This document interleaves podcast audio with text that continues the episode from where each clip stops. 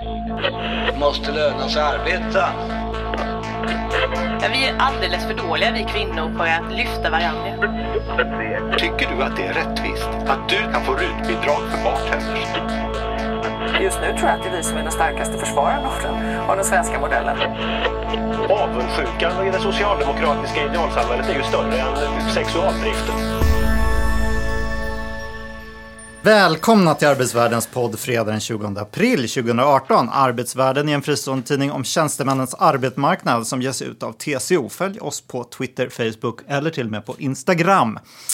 Hör ni här idag, som vanligt i vår podd, så är vi Samuel Engblom, samhällspolitisk chef på TCO. Och Britta Lejon, ordförande fackförbundet ST. Och eh, jag själv, Mikael Fältman, chefredaktör för Arbetsvärlden. Hörrni, idag ska vi prata om, eh, vi slänger in tre ämnen. Vi ska prata om, eh, finns det företagare som jobbar precis som arbetstagare? Och eh, varför är de i så fall inte anställda? Det ska, har Samuel skrivit en rapport på, så det ska han berätta om. Sen ska vi prata om de här höghastighetstågen som regeringen har kommit överens om. Och hoppas få med sig Liberalerna och Moderaterna på. Eh, kommer de att lyckas och är höghastighetståg en god investering eller dyr symbolpolitik? Trean då, Socialdemokraterna vill ju återinföra den här behovsprövningen eh, av eh, arbetskraft som kommer till Sverige. Är det ett rimligt skydd av arbetstagare som riskerar att utnyttjas eller är det nationalistisk symbolpolitik? Nu har jag använt symbolpolitik två gånger här. Um, och sen ska vi förstås prata satir om Zlatan och sen ska vi ha våra spaningar på slutet också. Hörni, vi kör igång med första ämnet, eller hur? Mm. Um, vad, vilk, vad, Samuel, berätta om de här. Du har kommit fram till att uh, det kan röra sig om ungefär 9000 personer i Sverige som, uh, som uh, har, som inte har en anställning men har jobb som påminner om anställningsliknande förhållanden. Mm. Vad, vilka är de här och vad beror det på? Ja, eh, som vi har sagt i något tidigare avsnitt så har jag en käpphäst som handlar om att sådana här atypiska anlitande former, egenföretagande, visstid, eh, eh bemanning och sånt, att de inte ökar men att de ändrar karaktär. Det har vi pratat om, vi har pratat visstidsanställda. Och det här är i samma anda. Vi lät SCB göra en enkätundersökning som riktade sig till lite olika personer, bland annat till företagare. Eh, och till företagare så ställde vi frågor om hur relationen mellan dem och deras uppdragsgivare ser ut. Och det här är sånt här som man då normalt inte mäter till exempel i SCBs arbetskraftsundersökning. Eh, när man tittar på företagande så tittar man ofta på andra saker än, än just det här. Då. Eh, och då så fann vi att det finns en stor grupp företagare som avviker från den här liksom, traditionella bilden av en väldigt självständig företagare som bestämmer själv om hur de ska jobba, när de ska jobba, som har många olika eh, kunder och, och, och klienter eh, och som eh, också kanske eh, kan lämna över arbete på någon annan. Man kan ha anställda som kan göra arbetet åt en. Eh, och vad vår undersökning visade det var att 70 procent av alla företagare som säljer tjänster till andra företag, myndigheter och organisationer, alltså man har inte privatpersoner som kunder utan man har andra företag och så kunder. 70 procent av dem de förväntas utföra hela eller i stort sett hela arbetet själva. Ja. Eh, vi fann också att en knapp tredjedel av de här, de har haft eh, tre eller färre olika uppdragsgivare under de sista sex månaderna. Så de har inte så här jätte jättemånga olika kunder och 13 procent av dem har bara haft en kund de senaste sex månaderna. Eh, och sex Hur stora är de här företagen? Är det det här är, ju, det här är, person, de här är, är som regel personer som inte ja, har några, några anställda. Eh, och sen sex av tio samarbetar i stor eller i ganska stor utsträckning med uppdragsgivarens egen personal eh, när arbetet utförs och nästan hälften eh, uppger att, att uppdragsgivaren i stor eller ganska stor utsträckning eh, bestämmer på vilket sätt deras arbete ska utföras. Och det är inte heller den här klassiska egenföretagaren. Och sen har vi gjort det att vi har lagt ihop de här tre och sett hur mycket de överlappar. För överlappar de här tre, då har vi en person som liksom uppfyller det som i arbetsrätten och även i skatterätten är eh, kriterierna för att betraktas som arbetstagare. Eh, sen kan det finnas andra omständigheter som gör att, att de kanske ändå inte är arbetstagare. Men vad vi finner är att eh, 8,6 procent, så knappt 9 procent av de här uppfyller alla de här tre kriterierna. Och att de då eh, eh skulle kunna vara felklassificerade. Och det var där de här 9000 kom in. Vad är det, ge mig ett exempel. Vad jobbar de med? Sitter de hemma eller sitter de kanske till och med hos företaget som, ut, som konsulter så att säga? Eller vad, hur ser det ut på arbetsmarknaden? Liksom? I undersökningen så kan vi inte säga vilka branscher och sånt det är. Men eh, dels har vi pratat med våra förbund eh, och, om vad de säger det här är vanligt. Och då får vi svar kring eh, ja, givetvis då företagstjänster, IT-sektorn finns det här. Och sen kultur och media. Och det är också så att statliga myndigheter i kultursektorn använder sig av den här typen av, av upplägg också. Sen är det så att organisationen Företagarna kom med en undersökning i veckan där de har tittat lite på samma sak och delvis av samma anledning att det sitter en utredning som tittar på F-skattesystemet. Eh, och de hade då frågat bland sina medlemsföretag och funnit att 17 procent har varit med om att personer som har varit anställda har sagts upp i syfte att anlitas som näringsidkare med F-skatt för arbete i samma bransch. Dels har de då, det- titta det är inget stort problem, det är en låg siffra, jag tycker det är en ganska hög siffra. Eh, och de hade också uppgifter om bransch och då lyfte de fram bryggbranschen, där var det då 26 procent som hade varit med om det här. Eh, så det är också ett annat eh, tecken på att det, för, att det är en sån bransch där det förekommer. Och hur ska man eh, tolka det här då? Är det, det är ju en sorts utnyttjande ofta då kan man säga av F-skattsedelsystemet. Det blir billigare att anställa någon som går på F-skatt än att anställa någon inom organisationen. Alltså- Eller kan man, ja, Ja. Det finns ju två sidor. Man skulle, som arbetsgivare skulle man ju säga att ja, det är alldeles för dyrt att anställa. Vi måste se Alltså till det blir att inte här nödvändigtvis funkar, liksom. billigare. Alltså Sverige, om man tittar på en del andra länder så kan det vara så att det är väldigt stora skillnader vad gäller skatter och sociala avgifter mellan företagare och eh, arbetstagare. Det är det inte i Sverige. Eh, de här egen, så egenavgifterna som företagare betalar ligger på nästan samma nivå som, som sociala avgifter för eh, anställda. Skattemässigt är det inte heller några skillnader så att säga, i själva alltså den procentsats du betalar. Sen är det klart att, så att den som har ett företag kan ju kanske disponera lite mer över hur mycket skatt man ska betala beroende på vad man har kvar i bolaget och sådana saker. Eh, men att göra den här, alltså att få fram den här typen av kunskap, att förstå hur de här relationerna ser ut, det kan man ju då använda sen till, till andra saker. Dels är det ju det här att diskutera hur stort, hur stort är problemet att människor är felklassificerade. Men eh, ur ett fackligt perspektiv så finns det ju bredare saker man kan göra. Det handlar ju om hur ska socialförsäkringssystemen vara konstruerade för att även då företagare ska kunna utnyttja dem. Eh, det handlar om, att, eh, om arbetsmiljöansvar. Där får vi en ganska hög siffra vad gäller ganska många som, som, som eh, jobbar eh, väldigt nära sina uppdragsgivares personal eller till och med styrs av uppdragsgivarna. Eh, eh, men uppdragsgivaren har idag inget ansvar för deras arbetsmiljö mer än det rent fysiska. Eh, Det är en sån sak som också en statlig utredning har ifrågasatt. Eh, Och sen givetvis att, att vi behöver organisera eh, egenföretagare i de fackliga organisationerna. Det här visar ju att det finns sådana likheter. Man, kan, man utför arbete personligen, man är ekonomiskt beroende kanske av att få uppdragsgivare. Man, man delar många eh, eh, drag med arbetstagare. Mm. Varför gör man på det här sättet då, som arbetsgivare? För att det är mer flexibelt kanske mer än för att det är eh, billigt då? Snarare att det är mer flexibelt än att det, att det är billigt. Sen finns det nog branscher där det här har blivit det sättet som man anlitar folk på. Eh, det har liksom blivit en, det sättet man gör i den branschen. Det finns en del tycker jag, svårförklarliga skillnader mellan branscher eh, eh, som är svåra att förklara med något annat att det har blivit en kultur där. Britta, är det något du känner igen eller?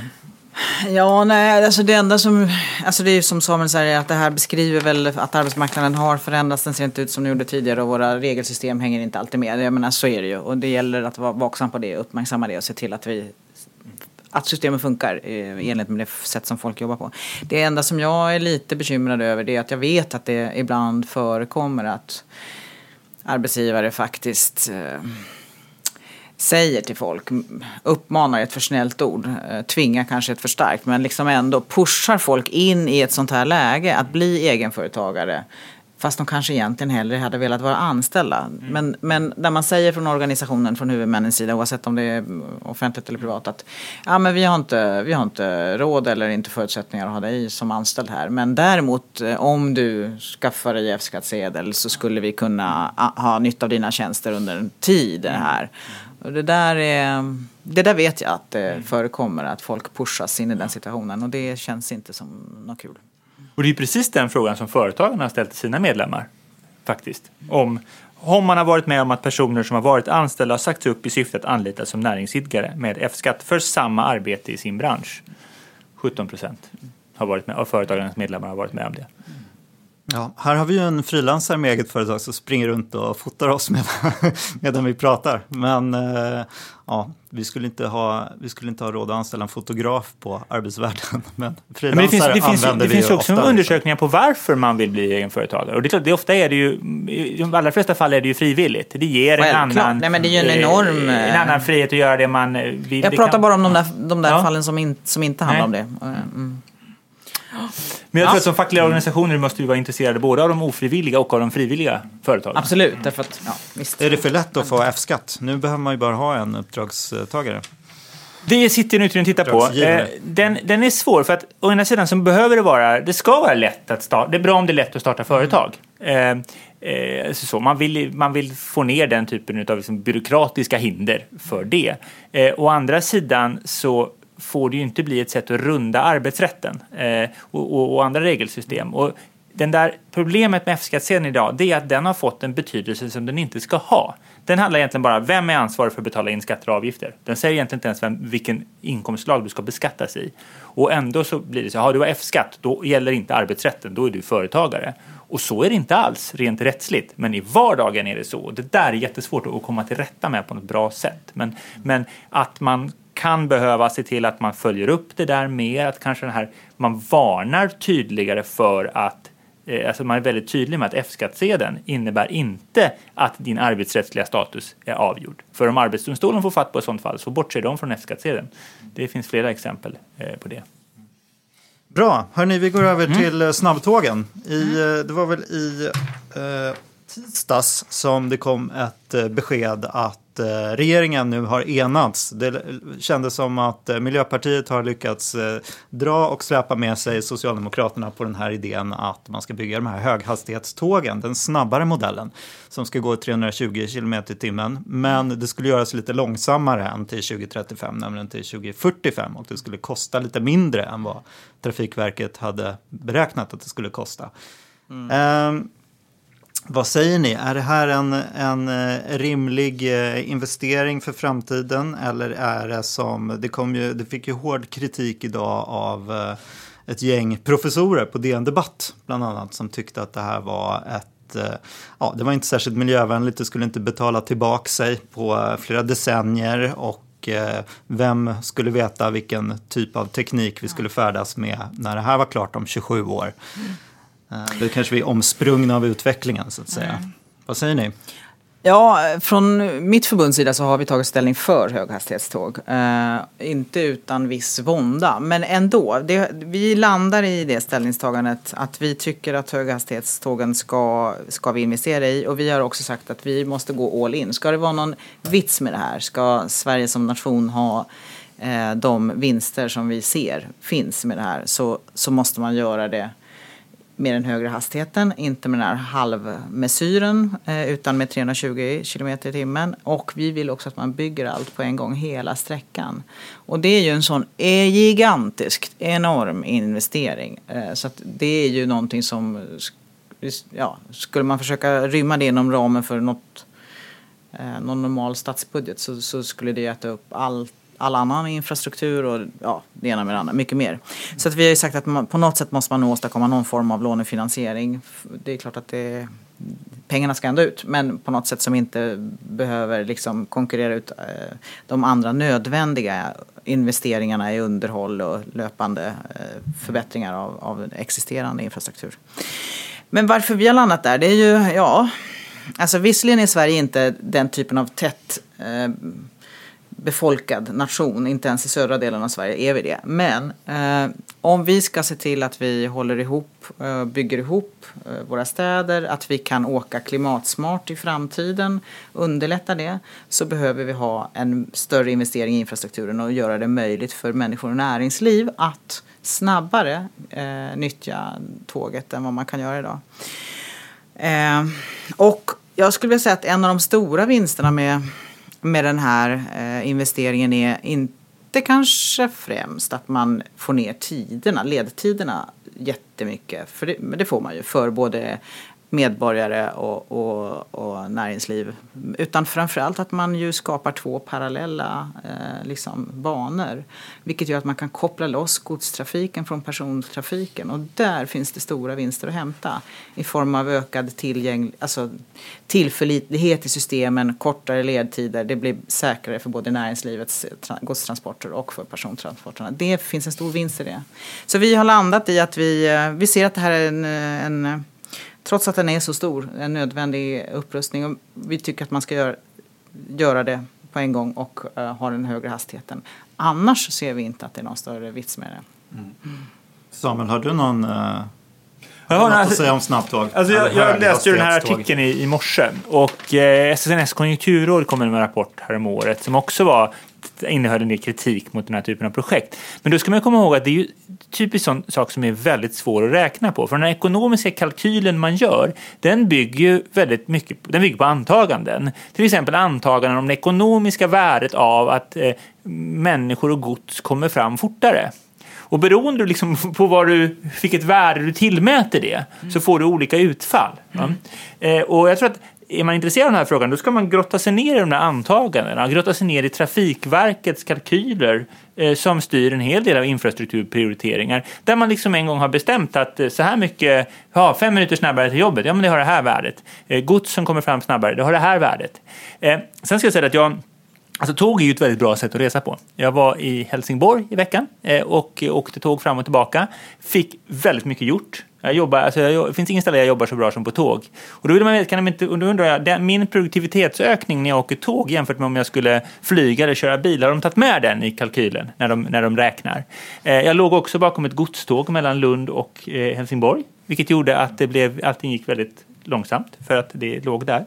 Eh, så, så att jag tror att, att eh, sen, sen är det ju en annan fråga som också bubblat upp och det är ju det här möjligheten att resa längre än bara i Sverige. Att det idag mm. är nästan omöjligt att boka tågresor ut i Europa. Mm. Eh, det är också en sån här så det finns, Jag tror det finns en del saker som man kan ta tag i för att öka tågresandet Absolut. redan innan infrastrukturinvesteringarna. Mm. För att, göra, att helt enkelt göra det enklare, göra det mer bekvämt. För det är ett väldigt bra sätt att, att, att resa på. Mm.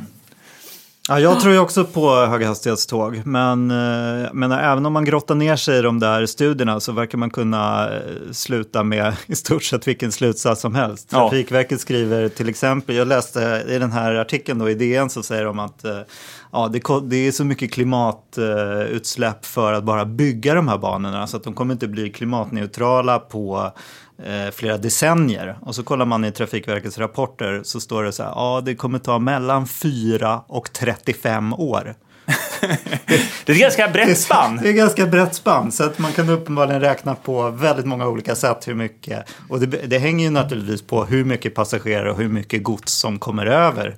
I, eller som, som börjar att inte åka lastbil då, utan som börjar åka så, tåg istället. Och så måste man fundera på alternativkostnader där, för då måste man ta, kanske då bygga ut annan infrastruktur att bygga ut en flygplats, hur mycket koldioxid får du ut från det bygget? Att bygga en bredare, att bredda en motorväg. Mycket, alltså, så mm. Det kommer in så mycket till slut. Så att, ja. Någonstans är det det här, det, jag tror det avgörande blir politisk vilja.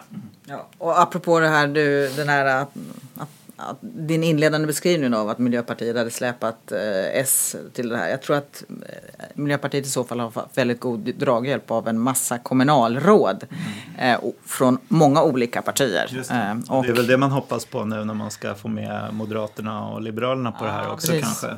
Ja, din fråga där var, ja, Moderaterna har sagt att det här tycker de inte att vi har råd med för tillfället och det är ju en hedervärd ståndpunkt, absolut. Sen kan jag, tror jag att det räcker ju inte att få med sig bara Centern eller Liberalerna. De är lite för små tror jag för att man ska Men ge sig på Centern det här. och KD är redan med. Ja, är KD redan med? Okej. Ja. Tänk om KD åker riksdagen. Ja, nej men precis. Det är därför de vill ha med Moderaterna och Liberalerna. Ja, det vore bäst. Det kan man ju förstå. Inblandning av kommunalråd, då kan man fundera på om det blir som med stambanorna, att sträckningen delvis kan förklara vilka politiker Så, som men så vill ha är det ju. Så är det ju. Det är alla de här Eh, olika så. alternativen som har... eh, det är så klart, det- det- det är ju en enorm drag. stanna någonstans. Ja, Ja, ett snabbtåg som bara bränner igenom din kommun Inget att kanske ha. du inte är lika intresserad av. Även om det kan vara så att du kan snabbt ansluta i grannkommunen och så går det ännu fortare. Men alla vet att det ska stanna och då blir det inte så snabbt. Men hörni, bara det här lånefinansiering, 200 dryga miljarder. Mm.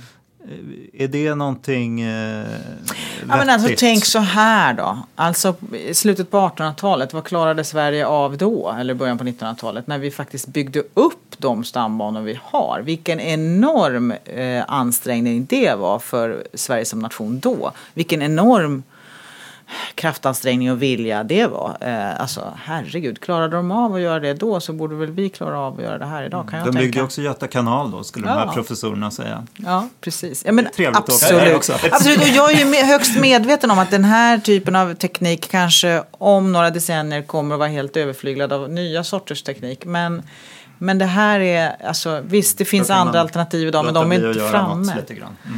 Mm. Ja, man kan inte bara gå och vänta på nästa grej utan för det dröjer oftast en stund innan vi har den på plats. Hörni, vi går till vårt tredje ämne. Eh, I onsdags så presenterade ju Socialdemokraterna att de vill återinföra den här behovsprövningen som ska göras av Arbetsförmedlingen av arbetskraftsmigrationen. Och de fick ju kritik naturligtvis från borgerligt håll som tycker att eh, det ska vara enklare att eh, använda arbetskraft från hela världen. Ja, det handlar om utomeuropeisk arbetskraft kan vi säga. För i EU har vi ju andra regler. Eh, och, men även från Vänsterpartiet som tyckte att eh, Socialdemokraterna borde se över sin retorik och rikta sin vrede mot oseriösa företag och inte mot fattiga människor som jobbar hårt för skitlöner. Sa Jonas Sjöstedt. Vad är er take på den här eh, utspelet? Nej, men arbetskraftsinvandring eh, och den situation vi har, det är en ganska lång historia egentligen.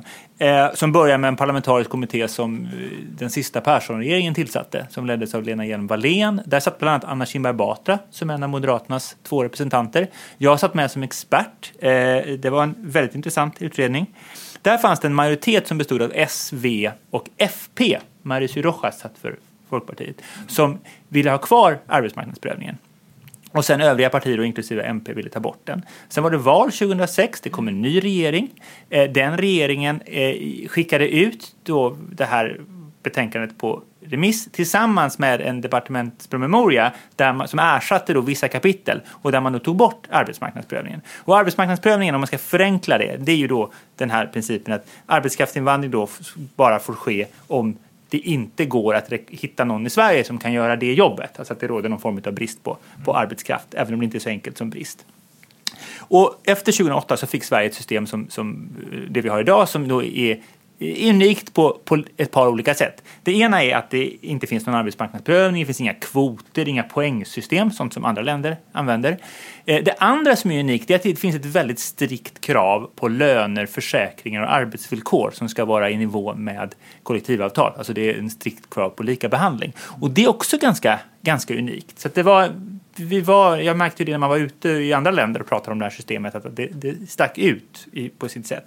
Eh, och det var, kan man säga, ur, ur, vi bedömde ju då från TCOs sida att ur ett fackligt perspektiv så var det här en ganska bra princip eftersom fokuset var på arbetsvillkor. Och det är ju det. Och dessutom hela vägen upp. Det fanns inte några undantag för personer som, som hade eh, mer kvalificerade jobb eller högre löner, utan det var lika behandling över, rakt över hela skalan. Eh, problemet eh, med det här det var ju att det fanns ett försvar, så systemet för att se till att reglerna följdes var alldeles för svagt. Eh, och det var det många remissinstanser som påpekade redan under remissrundan. Eh, också att, och dessutom att eh, eh, om reglerna då inte följs så den enda sanktionen den är riktad mot arbetstagaren som blir av med sitt tillstånd och blir utvisad. Och det fanns ingen sanktion mot, mot arbetsgivaren. Sen kan man säga att, att eh, Eh, dessutom så, så, så kan man säga så var det också inte möjligt för arbetstagaren att grunda några rättigheter på det här löftet som arbetsgivaren hade utformat, eh, utfärdat för att man skulle få arbetstillståndet. Så kunde du inte gå till för domstol för, typ att få mellanskillnaden. Alltså om arbetsgivaren betalat lägre lön så kunde inte du gå och hävda eh, om du upptäcker då det, att de betalar ett lägre lön än utlovat, så kunde inte ar- arbetstagaren gå till domstol och säga hej, jag ska ha den lön som, som mitt arbetstillstånd bygger på. Utan det enda som händer är att du blir av med tillståndet. Då. Eh, sen så försökte man, eh, och som man säger, det finns ett problem till och det var ju att, att som hänger ihop med det här och det var ju att Migrationsverket har dragit in tillstånd eller nekat förlängningar för ganska små avvikelser från de här eh, bestämmelserna. va. Eh, och man kan säga att varken alliansregeringen eller den rödgröna regeringen har egentligen på allvar tagit itu med frågan. Och de har ändå haft ganska lång tid på sig nu. Systemet har funnits sedan 2008. Alliansregeringen gjorde några små justeringar, men, men väldigt små.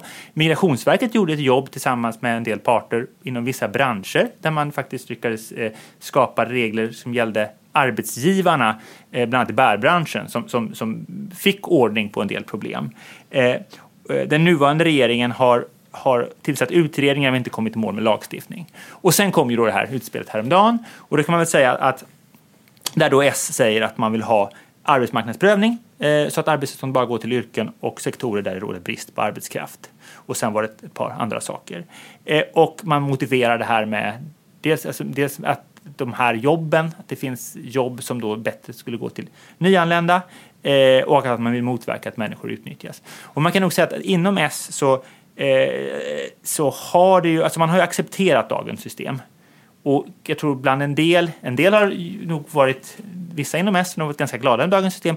Andra har nog varit mer en eftergift till Miljöpartiet. Så det är en ganska väntad omsvängning. Eh, politiskt så kan man också se det, det här är ett, en del av migrationspolitiken där man kan vara tuffare än allianspartierna. Och det är väl i den här valrörelsen kanske lite lockande. Eh, vi var kritiska här häromdagen eh, av flera skäl. Eh, det är ju bra att man vill motverka missbruk, men, men för det behöver man inte återinföra arbetsmarknadsprövningen. Det är inte där som skon klämmer, utan man behöver se till att de här reglerna efterlevs. Dessutom så i, strax innan man gjorde det här utspelet så har man dessutom sagt att man inte kommer gå vidare med de här utredningarna som har suttit och tittat på hur man ska undvika den här kompetensutvisningsproblematiken, att människor utvisas för mindre avvikelser. Och det beror på att det har kommit några domar från, från, eh, från eh, eh Migrationsöverdomstolen på det här. Och där är ju vi lite skeptiska för att vi tror att det var bättre att man gick vidare med lagstiftning och slog fast några principer hur stora de här avvikelserna kan vara.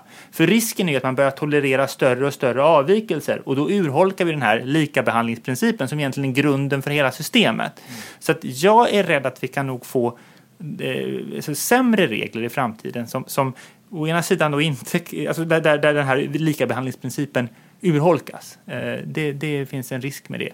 För den är inte så viktig. För, alltså det, det, jag tror den här komprom, det borde, man borde kunna bygga en kompromiss kring å ena sidan öppenhet och å andra sidan schyssta villkor. Det skulle vara en ganska naturlig kompromiss att bygga. Men det har man inte riktigt lyckats med. Mm. Och resultatet är att vi idag har en situation där faktiskt människor, där vi mycket, stora bekymmer med svart, eh, svartjobb, stora bekymmer med att människor utnyttjas eh, och att det är dåliga villkor. Eh, och det där är nog mycket större än de siffror vi har. Alltså det finns ju, håller på att liksom växa upp en hel, ja, en hel liksom kader av människor som utnyttjas ganska grovt. Eh, och jag vet, de bekymren är ju olika stora, stora olika branscher. Eh, I byggbranschen har man ju liksom försökt själv ta ett liksom eget ansvar mellan parterna genom avtal där man har liksom ställt krav på att huvudentreprenörer ska ha koll på sina underentreprenörer i högre utsträckning än tidigare.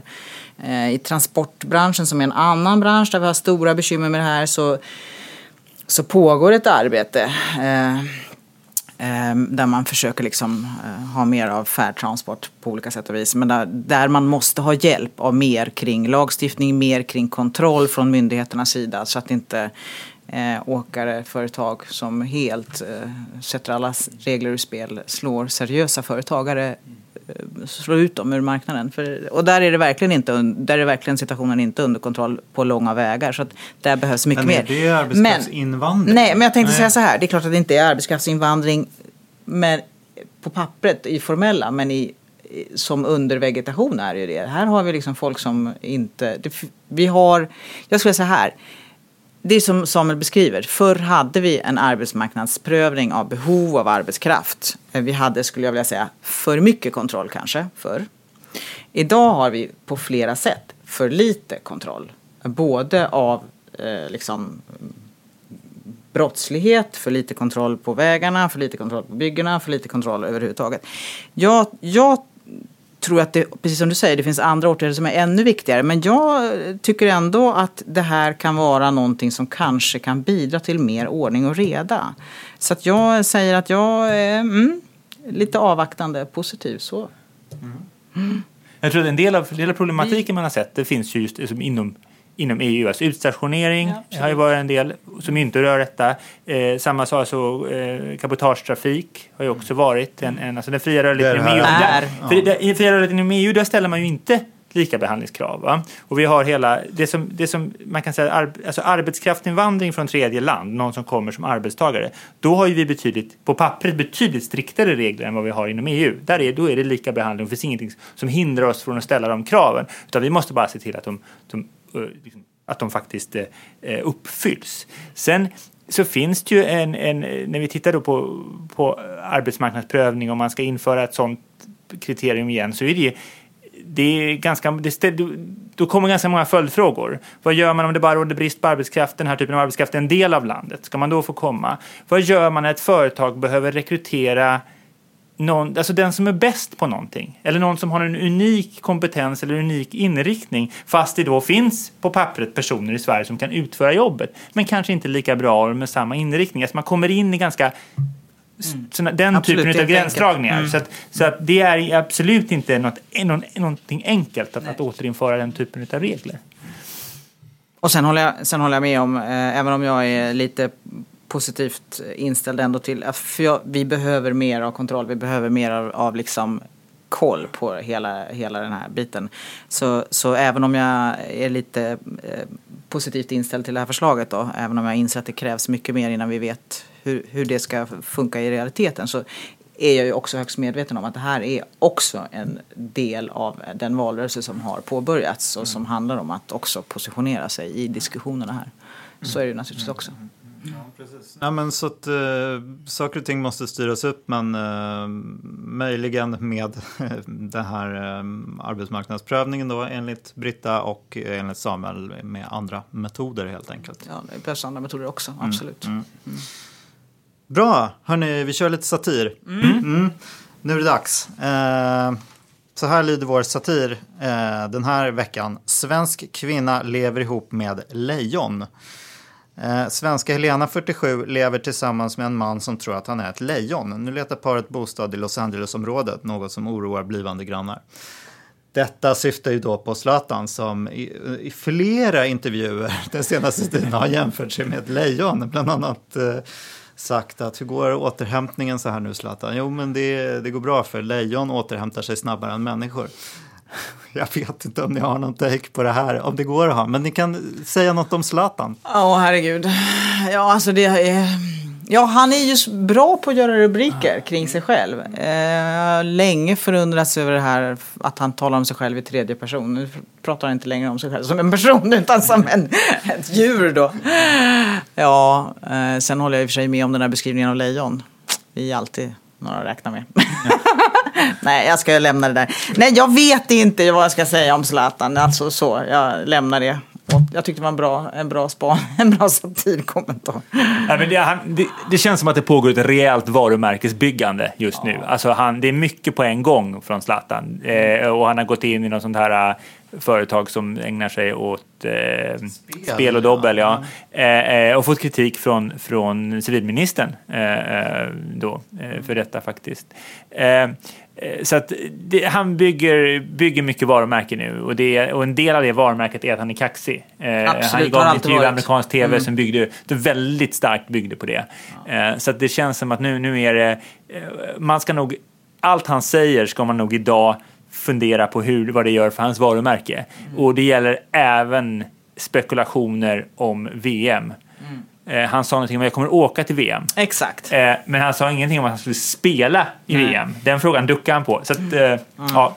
Men är det inte, det är lite, jag tycker det är lite roligt att folk ändå retar sig på hans attityd. För det är ju liksom, han är, väl- han är väl från början en kaxig kille och så överdriver han där i Ja. syfte att liksom skapa sin han, image, driver, liksom. han driver ju med oss. Det är det som är så skönt Ja. tycker jag. Nej, jag tycker, ja, det, är, det är alltid kul att se Zlatan. Hörni, vi är inne på våra spaningar. Era Våra spaningar? Jag har ju inga spaningar. Ja, Har du inte mm. kommit på något? Nej, jag har en dålig spaning. Ja. Jag, lo- jag har en, Du har en bra vet Nej, vi. Svenska, Svenska Akademin, men förhoppningsvis ett nytt take på det här med Svenska Akademin. Ja. Eh, därför att eh, som den jurist jag är och som jag vet att många andra jurister har gjort så, så när, det började, när det brakade igång om Svenska Akademin och just det här diskussionerna om vad de kan och inte kan göra och vem som kan, och kan när de är beslutsmässiga och så här. Så gick man givetvis in på, ut på nätet och letade rätt på Svenska Akademins stadgar och så har man läst dem fram och tillbaka. Eh, eh, och det är alltid roligt. Eh, men då har jag gjort en, en, liksom, en, en, en språkhistorisk fundering om de där. Eh, och Eh, jag tänkte tre dokument som är ganska samtida. Svenska Akademins stadgar 1786, USAs konstitution 1787 och den franska deklarationen om människans och medborgarens rättigheter från 1789. Det är alltså bara tre år mellan de här. Om man läser de här så inser man att Svenska Akademins stadgar det är väldigt ålderdomligt språk. Och även då för, för en sån som mig så krävs det att man läser om många saker flera gånger för att riktigt förstå vad det menar. Eh, så. Eh, då. Eh, USAs konstitution, lättbegriplig. Lätt att läsa för den som kan engelska. Den här franska deklarationen den är också relativt lättbegriplig för den som kan franska. Eh, det är liksom I de här två senare fallen så påminner det språket väldigt mycket om, alltså, det, det, det är i stort sett modernt språk. Det är inget problem för en modern människa att läsa. Medan Svenska Akademiens stadgar är jättesnåriga och jätteknepiga. Eh, Och då kan man fundera på vad, vad är det liksom som har... Och stavningen dessutom i de här två senare dokumenten, det amerikanska och det franska, är ungefär som idag. Medan stavningen i i eh, Svenska Akademiens stadgar, den, den är ju eh, ganska svår. Mm. då är det så att Sverige har haft stavningsreformer sedan dess. faktiskt. Vi har eh, folkskolans tillkomst, då blir det viktigt att standardisera och även i senare skeden har man, har man gjort detta. Eh, och då är det klart att alltså, uppenbart slut, slutet på 1700-talet så låg vi långt efter de här två andra länderna vad gällde klarspråk. Det vill säga, det var mycket, vi skrev på ett ganska konstigt sätt och svårt att förstå sannolikt också för dåtidens människor.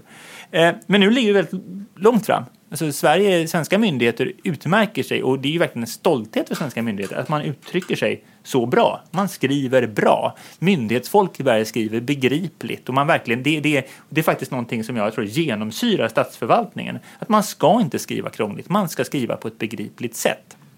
Eh, Så där har vi, här har vi verkligen, vi har kommit ikapp och vi har sprungit om skulle jag säga, som också haft att göra med både amerikanska och franska Som du är jurist, är begripligt och bra verkligen samma sak för dig?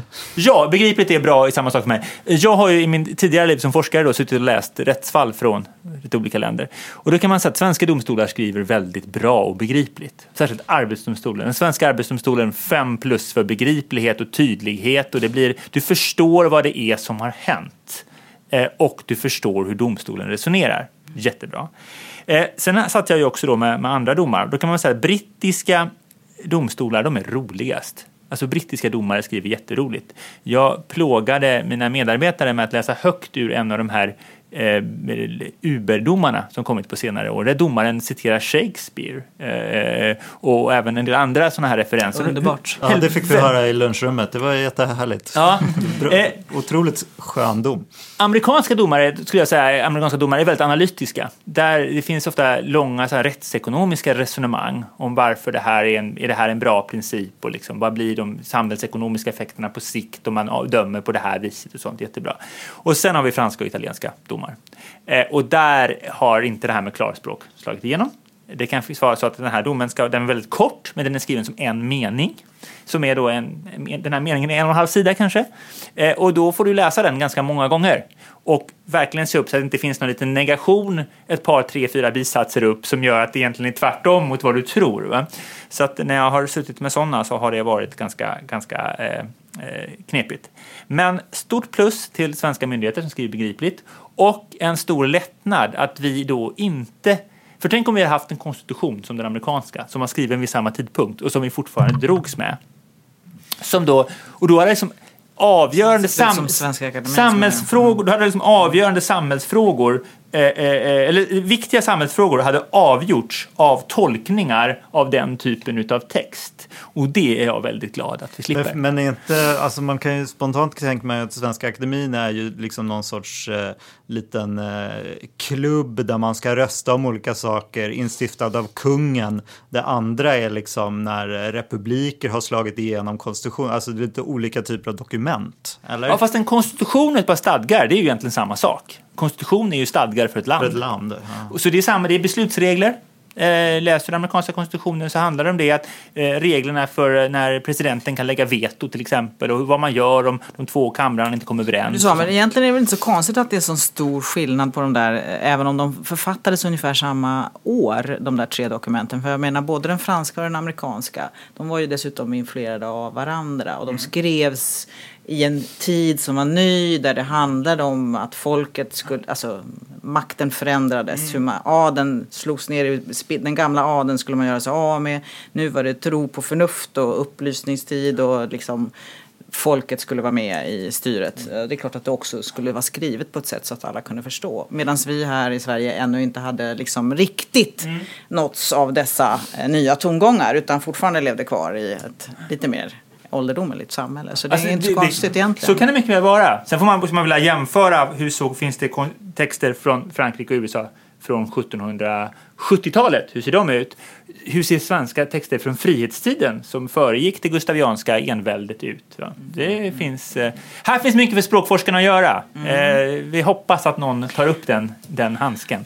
Eh, vad, vad leder det till? För någon, leder det till någon slutsats när det gäller Svenska Akademin och dess kris idag eller? Nej, jag tror inte att det är stadgarnas fel. Eh, eh, eh, jag, Det tror inte jag heller. Eh, Juridikpodden, en annan podd, de redde ut förra veckan eh, det här med, med, den, eh, med Svenska Akademin och stadgarna. Och det här att man inte kan gå ur. Jag menar, det, står, alltså det står i grundlagen att, vi har föreningsfrihet. Så klart att du, kan- du kan gå ur en förening. Alltså att vara ledamot av Svenska Akademin är inte en livstidsdom utan det är, en, en, en, det är, det är bara att gå ur. Eh, eh, så att man har nog gjort det mer komplicerat än vad det är och det är inte stadgarnas fel. Det är ju sällan stadgarnas fel eh, när, när saker och ting går snett om vi ska vara ärliga. Sen kan bra stadgar härligt, underlätta men människor är de som avgör. Så är det. Mm. Och även om de har gjort en del saker på sistone där som, eh, så tror jag att det krävs ännu mer innan de har återskapat sitt förtroende i världens ögon. Tyvärr. Bra. Ska jag dra min spaning då? Den är faktiskt, eh, det är också lite av en språkspaning. Det var faktiskt Samuel som eh, uppmärksammade mig på det här för, förra veckan. Och vi skrev en liten artikel om det. Det var en, eh, det är en platsannons för en undersköterska på deltid eh, från Partille kommun som, som var het förra veckan på Twitter. Eh, då skriver de så här när de söker sin undersköterska. Har du vid något tillfälle rest med flyg? Då förstår du kopplingen mellan att checka in i tid för att komma med din flight. Det kan vara bra att veta för då förstår du också vilken buss du ska, behöver ta för att vara ombytt och klar när ditt arbetspass börjar. Så, så inleder de och skriver Anna också så här. Vandrar du omkring i ett töcken hela dagarna och är konstant trött, då är det ingen idé att du söker arbete hos oss på Kullegården, för vi tillhandahåller inte sängplatser åt våra medarbetare. Vilken kommun var det där? Partille. Ah, ty- det var ju otroligt... Eh, Herregud, det- tror de att det är en- attraktivt att bete sig på det där sättet? Ja, men det är ju en så passiv aggressiv person som har suttit och skrivit det här känner man ju som ju bara som läsare så känner man ju så här, ja det här är ju någon som sitter och retar sig på sin personal och som förmodligen inte borde vara chef liksom. Ja, eller så är det någon, ja, jag vet inte, jag vet inte hur jag ska... Nej, väl, har Men de det- förklarat det där? Ja, de har ju sagt att det var ett skämt och att de är ledsna och tagit tillbaka allting och gjort en uh, jättepudel liksom. Vi, har ju, vi har ju fått på vår Facebook-sida också någon som skriver att ja, men det beskriver ganska, läget ganska väl på det här stället. Faktiskt. Men, eh, men det är ju lite, alltså om man ska liksom göra någon sorts reflektion över det så är det väl lite intressant om undersköterskor jobbar i en sån här vardag med den typen av ledning som skämtar på det sättet så att säga eh, i ett bristyrke liksom. Alltså hur, hur fungerar ledning i kommun och landsting och eh, Det skulle vi kunna prata länge om, men det föreslår jag att vi har som ämne på någon podd faktiskt. kan vi tycker jag. Mm. Det där är väl ett exempel på en extremt eh, dålig, dåligt föredöme. Att man tänker ju ett läge när det råder brist på arbetskraft, att man försöker skriva eh, liksom, annonser som sticker ut. Det kan man ju förstå. Men det där blir då helt fel sätt, därför man sticker ut Vi fel gjorde håll. ju faktiskt någonting, Just det. inte liknande vill jag säga, för jag tycker ändå att det var lite, lite Det är ju lite roligt Vi på ett skrev ju en annons, vi skrev ju en Men- annons, om ni inte såg det så i alla fall så, men du såg den, om, såg den. om, eh, som försökte beskriva villkoren för statligt anställda. Eh, Så att, annat väldigt- skulle man inte få för fest vid sin hemstad och man skulle också gärna kunna hitta finansiering för sina egna tjänster och man, ja, det var en massa andra sådana Den här. var ju väldigt rolig för man, i början så tänkte man ju att så här, ja, men det här låter väl rimligt men sen så förstod man ju att det Mm. var ett skämt liksom. Ja, Så är det. yes. Men hörni, eh, ja, känner vi oss nöjda? Då säger vi Denna tack och varma adjö dag. för den här dagen. Det är så himla skönt. Nu måste vi skönt. springa Nu ut. går vi ut. Men hörni, vi ska också säga de avslutande meningarna. Man kan lyssna live eller så kan man hitta oss där poddar finns. Och man ska också gå in och berätta vad vi ska tala om på Facebook och Twitter på Arbetsvärlden och hashtagga. Bra. Och sen så ska man förstås prenumerera i sin poddapp på så att man liksom får ett flöde så att vi kommer upp varje gång och ge oss betyg på iTunes. Det var allt för denna gång. Adjö! Adjö. Ja, ja.